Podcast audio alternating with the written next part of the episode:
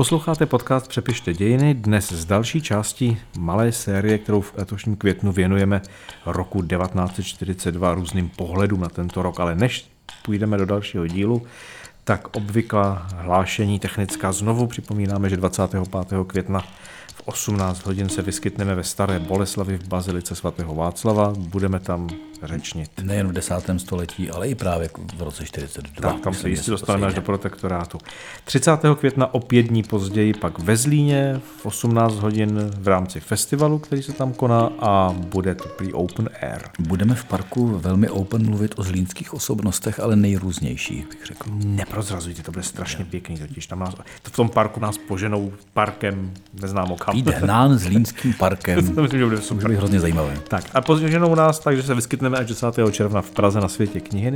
A to je pátek, je to v 18 hodin, takový jako před víkendem a to se stavte, protože to bude akce, kde budeme křtít naši knížku po půl roce od vydání, ale hold byla pandemie a válka tak jsme se k tomu nedostali dříve. Takže je potřeba ji prostě připomenout. Tak znovu. připomeneme knížku, 10. června v 18 hodin na světě knihy a o dalších pět dní později, 15. června, se potkáme v Olomouci. Když se takhle budeme potkávat, tak se můžeme potkávat i tištěně. Každou středu na denníku N náš seriál Přepište dějiny. Který tak trochu stínuje to, co zrovna vysíláme. Třeba budou stínovat právě témata roku 1942, No, respektive protektorátu.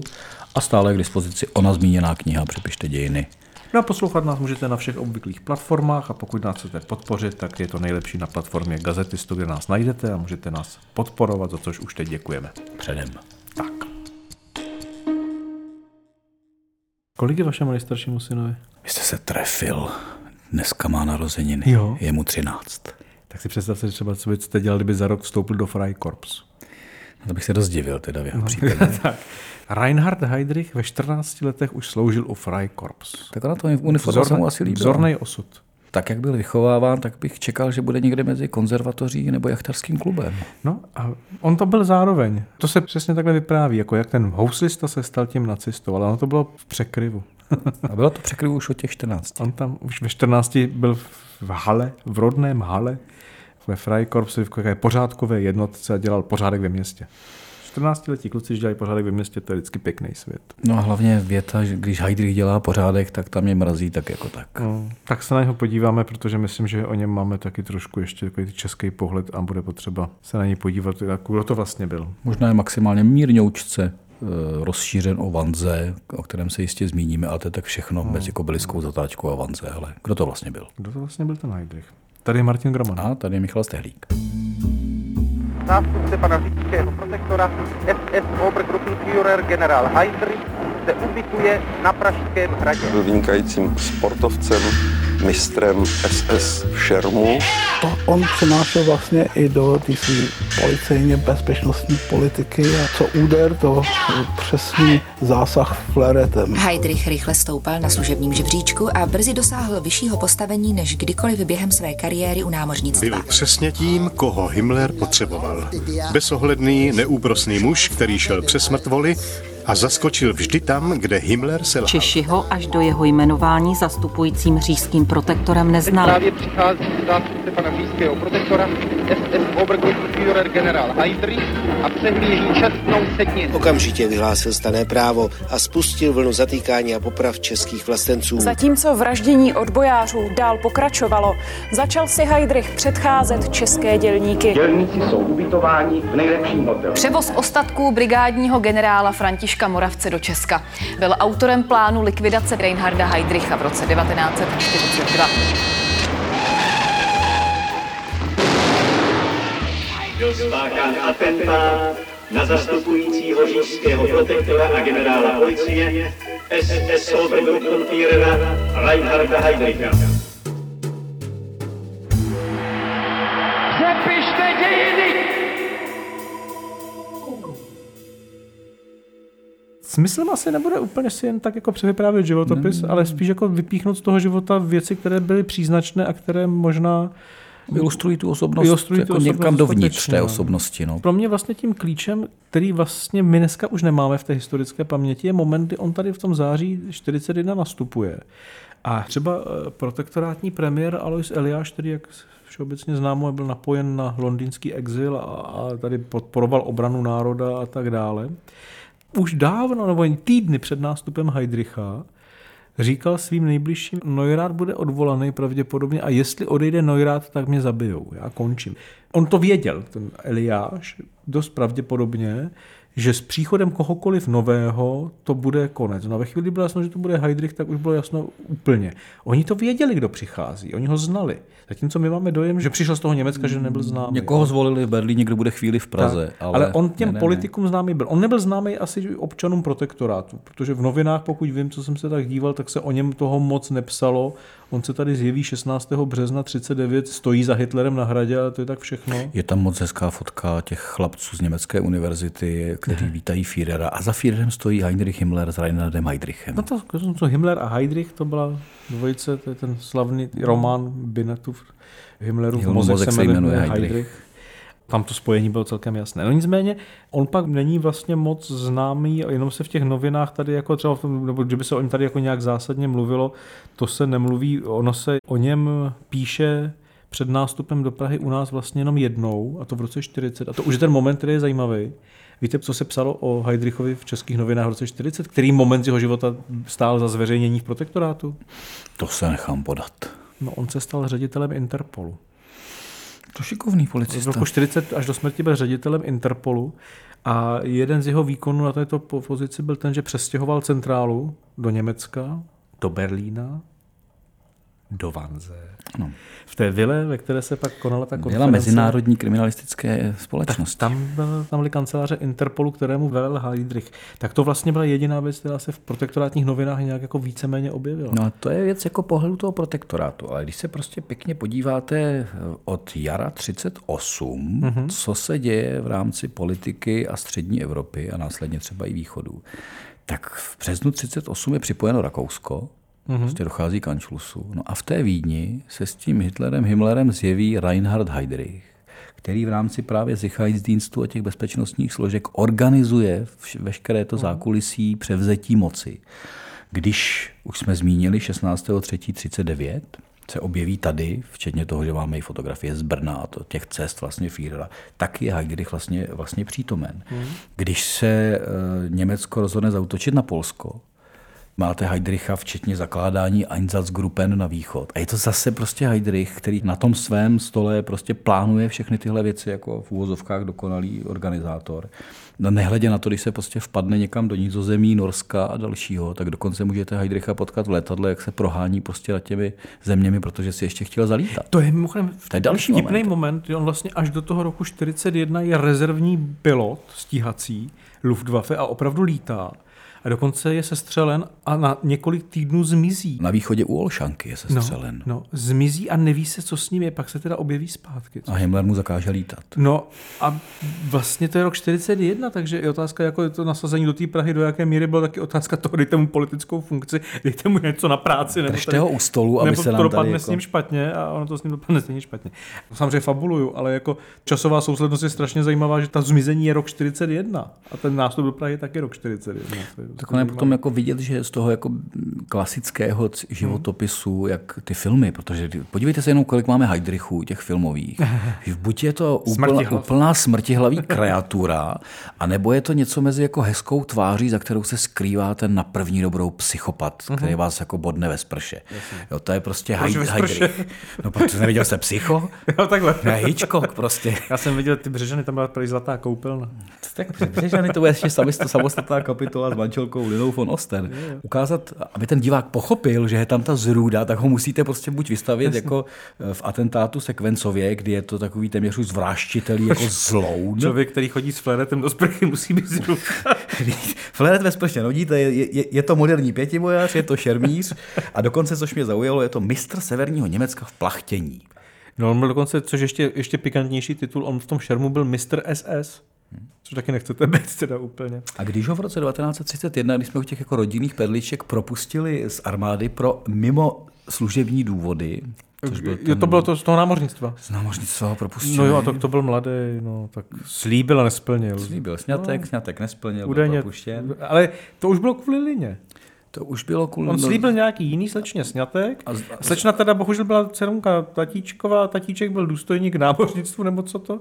Tak to... No s Linou se seznámil rok předtím. Nebylo úplně chytrý od V dubnu 31 ho vyhodili, pak vstoupí do NSDAP ve stejném roce. No a tam ho, tam ho prý dovedla ta Lina, že no, tam vlastně ho seznámí s tím, vlastně ona ho přivede k NSDAP, ona tím pádem se, on se velmi rychle ocitne zaměřovači Himmlerově a ten ho velmi rychle pověřuje tím, aby vytvořil vlastně strukturu tajné policie. Tak on už je nadporučíkem v tom námořnictvu a má za sebou dokonce štábní zkušenost hmm. v rámci uh, své služby uh, kde si v Kýlu. Ale ten 31. rok je ještě zajímavý. Uh, představte si tu, co mu říkám, obývák u Heidrichu. Uh-huh. Jo, jak on je vyhozen z té armády, oni se vezmou teda v prosinci snad 1931 a ta manželka ho vnímá jako, že musí dělat tu kariéru. To taky hraje občas jako roli v těch, v těch rodinách, tenhle ten, neříkám mhm. tlak, ale přesvědčení třeba o tom, že je tak mimořádný. A víte, čím se živí, než se dostane do Himmlerových spádů a stane se tím šéfem všech bezpečností? Mezi, a me, mezi námořnictvem a stranickou příslušností a financí. Musel donést nějaký peníze, tak se čím živí. Co? Instruktor jachtingu. No to je dobrý. Já jsem si myslel, že dělal vrátného v salonu ne. Ne, prostě ten sport.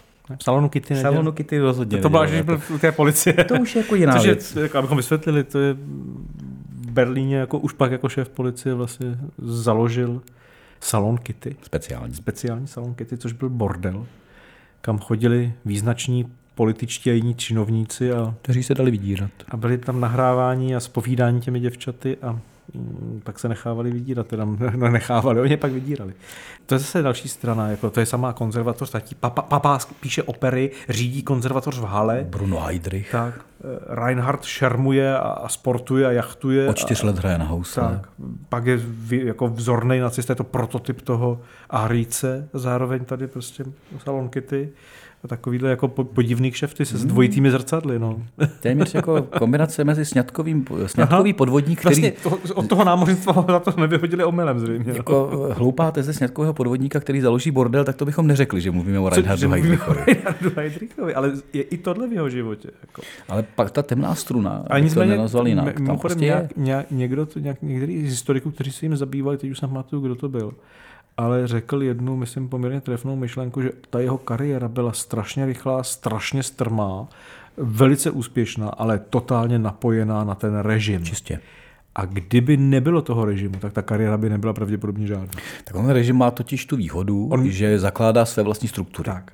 On by v těch klasických strukturách toho státu vlastně nemohl, zatímco tady si založí... Se na, etablovat. Tak, založí si na zelené louce v podstatě jak tu bezpečnostní policii, tak ten Zichaj Zdínc jako bezpečnostní službu. Je v tom znalý, tak mu to v úzovkách jde, ale je, jsou to vlastně paralelní struktury státu, které potom politickém vítězství v 33. se stanou tím státem. Všichni znají Babylon Berlín jako seriál. A právě ty předlohy literární Folkra Kučera jsou přesně o tom, jak vlastně spolu bojují ty eh, nové struktury, které uh-huh. jsou stranické a ty staré struktury, které jsou státní co jsme ostatně zažili i po roce 48 tady, u těch mm-hmm. diktatur. To je, že ty paralelní ano. struktury těchto diktátorských totalitních stran vlastně vrostou a to, a to i s těmi státu. lidmi, kteří vlastně, jako když nacisté převezmou moc, tak zůstanou v těch státních strukturách i poměrně vysoko lidé, kteří už tam byli nebo nějakým způsobem jsou k tomu vázáni. Je zajímavý, jak třeba v tom eh, sekvencově atentátu je ještě jako vidět ten spor s Kanarisem. Abwehr versus Sicherheitsdienst přitom v Berlíně sousedi, Canaris Ale jsou to dvě spravodajské služby. Jsou to dvě spravodajské služby, konkurenční a jdou po sobě, ale vlastně pak už i tenhle příběh vlastně z toho z těch filmových zpracování úplně mizí jako vlastně komplikace. Už to není nosné, kdo by se v tom kdo by to, kdo by to chápal. Tak. Ale tohle je podstatné vlastně to, že Heidrich je odstraněn do Prahy tak trošku jako na tu výspu a pak teda mizí úplně.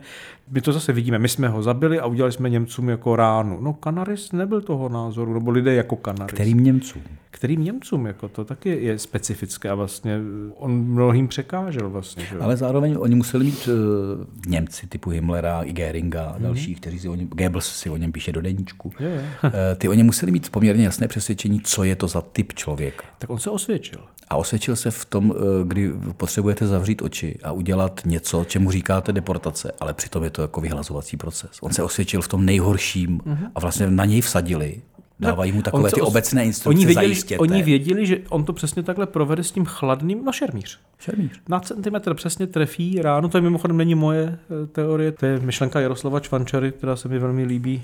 On jako šermíř je prostě se projevuje v té policii, prostě, kdy, co rána to přesný zásah.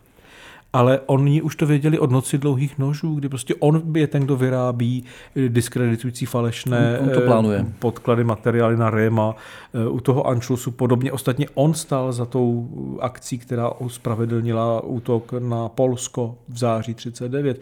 To organizuje Heydrich. Byl hybatel těch věcí, ne jako nějaký jako šéf úřadu. A noc dlouhých nožů máte v nějakém 34. roce. Tak. Heidrichovi je 30. Tak. To je 30-letý chlap, ten sotva jako eh, 29-30, který plánuje likvidaci celých skupin ve společnosti. No, ale A nemá skrupule vůbec. Umírá v 38. Ten Ano. už, my jsme ho přežili v konečném důsledku, Ano. jsem dívám na naše data narození. Takových lidí, co ho přežilo. Prostě v 38 letech byl na nějakém vrcholu kariéry, je vnímán jako, jako by to Hmm. velké Ano, zlo z toho ano. Německa, ale vlastně to byl mladý chlap ještě.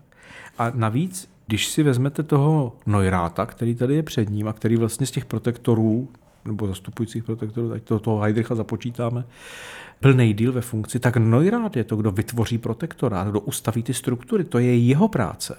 Je to konec konců bývalý ministr zahraničí. Jako to je persona v té, německé politice. Taky se k němu i tak chovají, že i když Jo. ho chtějí odstranit, tak musí jako pomaloučku, polehoučku a zdravotní důvody a není to jako potřebujeme ho, dáte zastupujícího. Je, tak je jen zastupující, on je stažen a pak teprve nahrazen, že jo, a tak dále.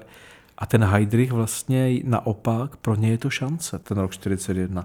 Do té doby, ať se bavíme o čemkoliv hnusném, salonem Kitty počínaje, on eh, dělá policejní kariéru, špionážní kariéru, tajných služeb kariéru, ale nedělá Není politiku. vidět. Není vidět. Není vidět. A ta Praha je jeho první politické angažma. Kdyby ho nezabili, tak bychom věděli, kam by to dotáhlo. Případně to je Ale jako takový první stupínek. Byl to abych- první stupinek k politice vlastně. Jako tady si vyzkouší, jak se řídí nějaká země na východě a pak uvidíme dál. Konec konců měl být přeložen do Paříže. Velmi rychle vlastně v tom roce 42 se uvažovalo o Paříži. Že? jo. A navíc eh, on získává tu roli opravdu toho člověka, který je obáván i v těch německých strukturách. Když se odehrává v tom lednu 20. Hmm. 1942 ona konference ve Vanze, která má sladit to takzvané konečné řešení. Krom toho, že máme nějaký základní zápisy, přibližně víme, jak si to, jak, jak si to tam jako rozebírali, půlka těch lidí byli právníci. No. Což je zajímavé, to nejsou jako policisté, kteří by jako likvidovali, to jsou právníci, kteří musí najít tu cestu, jako jak vlastně eh, zlikvidovat miliony lidí, když to přeženu. Mhm. Tak krom toho, že je Heydrich připraven, což býval vždy, to je to šermírské, tak už je i obáván z Mhm. hlediska těch lidí. On dokáže prostě tím suchým, eh, Čvančara píše právě pisklavým hlasem, polikajícím samohlásky, dokáže vyhrožovat vlastně svým vlastním a prosazovat s- svoji vůli. To je to temno, které v něm jako bylo a bylo viděno i těmi spolustraníky, že to je člověk, který je opravdu na jak- jakoukoliv jako práci. Ale tu politickou ambici bych mu rozhodně věřil. Já si myslím, že to byl takový předskok toho, kým budu ještě v budoucnu. Jsem docela mladý a už jsem vysoko. Tak, já myslím, že jeho příběh by vlastně dost pravděpodobně nebyl podobný jako u toho polského Franka, který tam spravoval ten guvernament, že jo, kde to je takový ten příběh eh, o zhýralém nacistovi s, opulentní manželkou, který tam vykrádá ty polské galerie a Košichy a- košichy a řetězy zlatý a, a perly a, a, vy, a vypíjí sklepy po šlechtě a hrozně si to tam užívá a ten to tam vlastně vydrží až do norimberského procesu v podstatě, že jo, tam ho, tam ho pak pověsej. Ten neměl ambici, ten měl, jako asi nějakou měl samozřejmě, ale jako vlastně se tam hezky zahnízdil a pak si to užíval ve velkém stylu.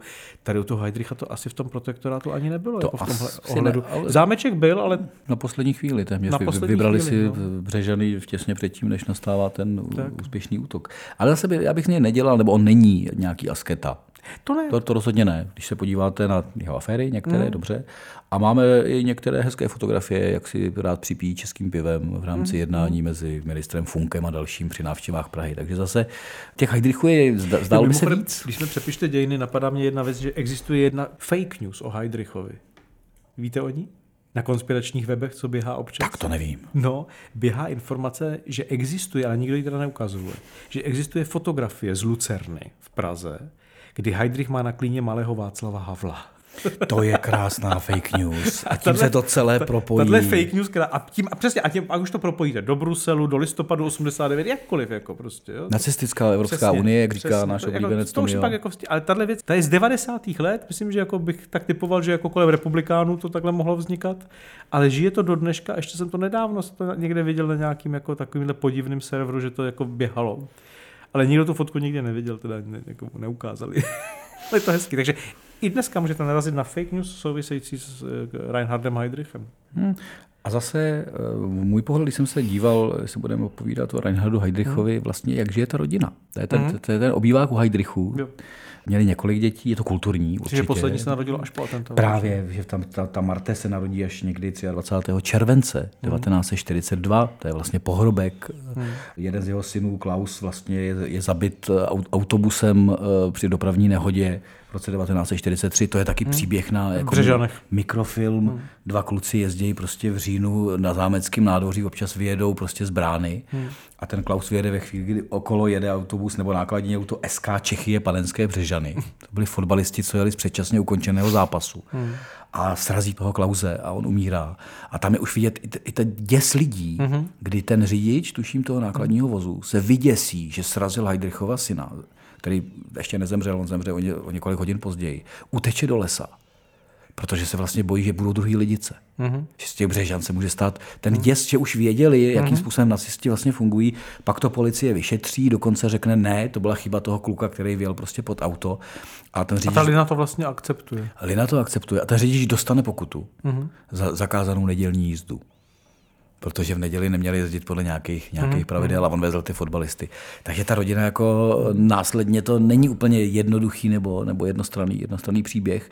A eh, kdybych to zaklnul do toho sociálna, Lina potom žije po roce 45 vlastně v západním Německu a zažádá si o generálskou penzi po svém manželovi. Což je generál taky, policie. Generál policie.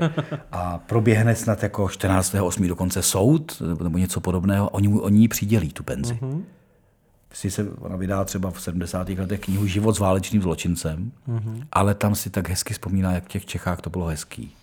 Tam jako ne, ne, nepadá to. Co... Ale ona měla penzion nějaký a hostila tam nebo ubytovávala tam bývalé důstojníky. Podnikala. Hmm. Takže tam jako zase bych nepozměňoval ty sítě, které probíhaly po válce, to potom padlém hrdinovi, kamarád Heidrich, jak říká Walter Jakoby. Ano. Eh, máte to ostatně i v tom, i v tom, I v tom, filmu. I v tom sekvencově filmu. Sekvencově to je, no. Nicméně tam ještě jedna věc, která se vlastně, vracím k tomu eh, Eliášovi, kdy oni vědí, kdo přijde. Kdo přijde a projeví se to v jedné zásadní věci. On tady není známý. On je vlastně náhradník, má ten titul zastupující říšský protektor. Ten Neurát je mnohem větší figura v té politice. Heidrich do ní teprve vstupuje. Ale přichází brilantně informovaný zpravodajec, který přesně ví, kdo je tady v protektorátu zač, co dělá, jak to dělá a když se podíváte, a to je to podstatné pro ten příběh, když se podíváte, jak vypadá vlastně stav odboje, v září 41. V září 41, tak vlastně velká část toho už je dávno pryč, protože Balabán s Mašínem jsou už zatčeni v tu chvíli dávno, že jo. Politické ústředí je rozbité už v roce 40. Po Heidrichovi vlastně velmi rychle se rozpadne obrana národa. V prosinci 41 zatknou Bedřicha Homolu, kterého jsme zmiňovali. Vlastně poslední, kdo vydrží do února 43, tak je Vladimír Krajina. Jako poslední z nich všech, vlastně z těch politicko-vojenských činitelů, kteří po březnu 39 nejpozději začínají formovat nějaký odboj. Ale dá se říct, že mezi tím podzimem 41 a květnem 42, kdy ten Heidrich působí, tak vlastně rozbije Dorazí to úplně. to poslední mezi právě petičním výborem, obranou a, a, národa. A šáhne na toho Eliáše vlastně v první minutě. A ty, které nerozbil, což jsou nějaké zbytky Sokolské organizace, tak ty hmm. smete to druhé stané právo, čili tady je vlastně jako pustoprázdno. Vlastně on to, on to dorazí tím, že podlehne tomu atentátu, tak vlastně to smete ty zbytky úplně. No.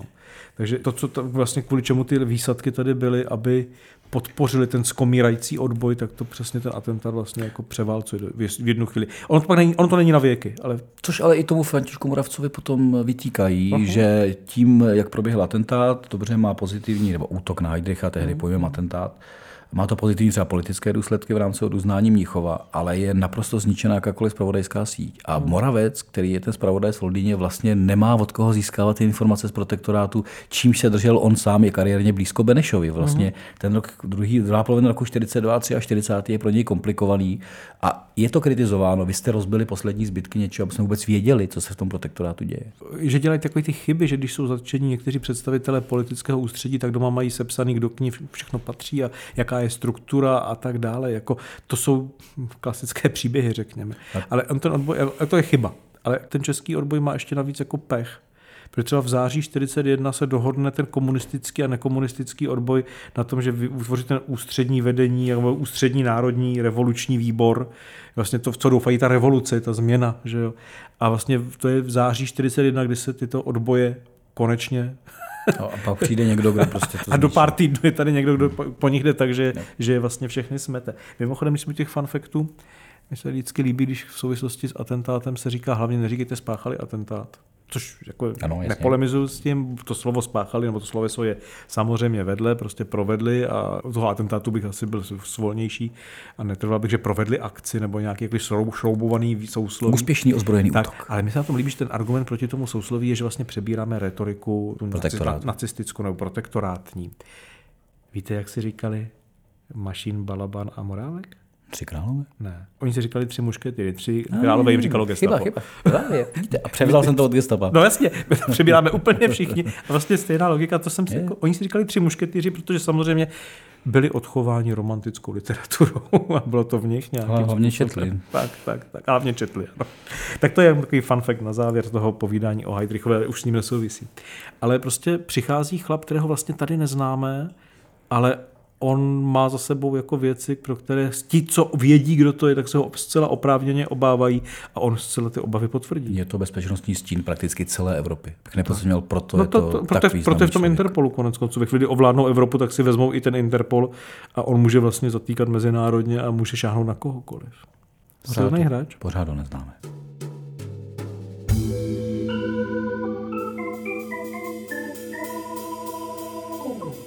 Takže děkujeme, že jste doposlouchali až do tohoto momentu náš další díl věnovaný roku 42, tentokrát Reinhardu Heydrichovi. No a pokud byste chtěli ještě setrvat s námi nějakou chvíli, tak můžete na Gazetistu, kde budeme tentokrát odpovídat na otázky a odpovědi už se nebudeme věnovat protektorátu. To zase až příště, ale pro vás, pro všechny.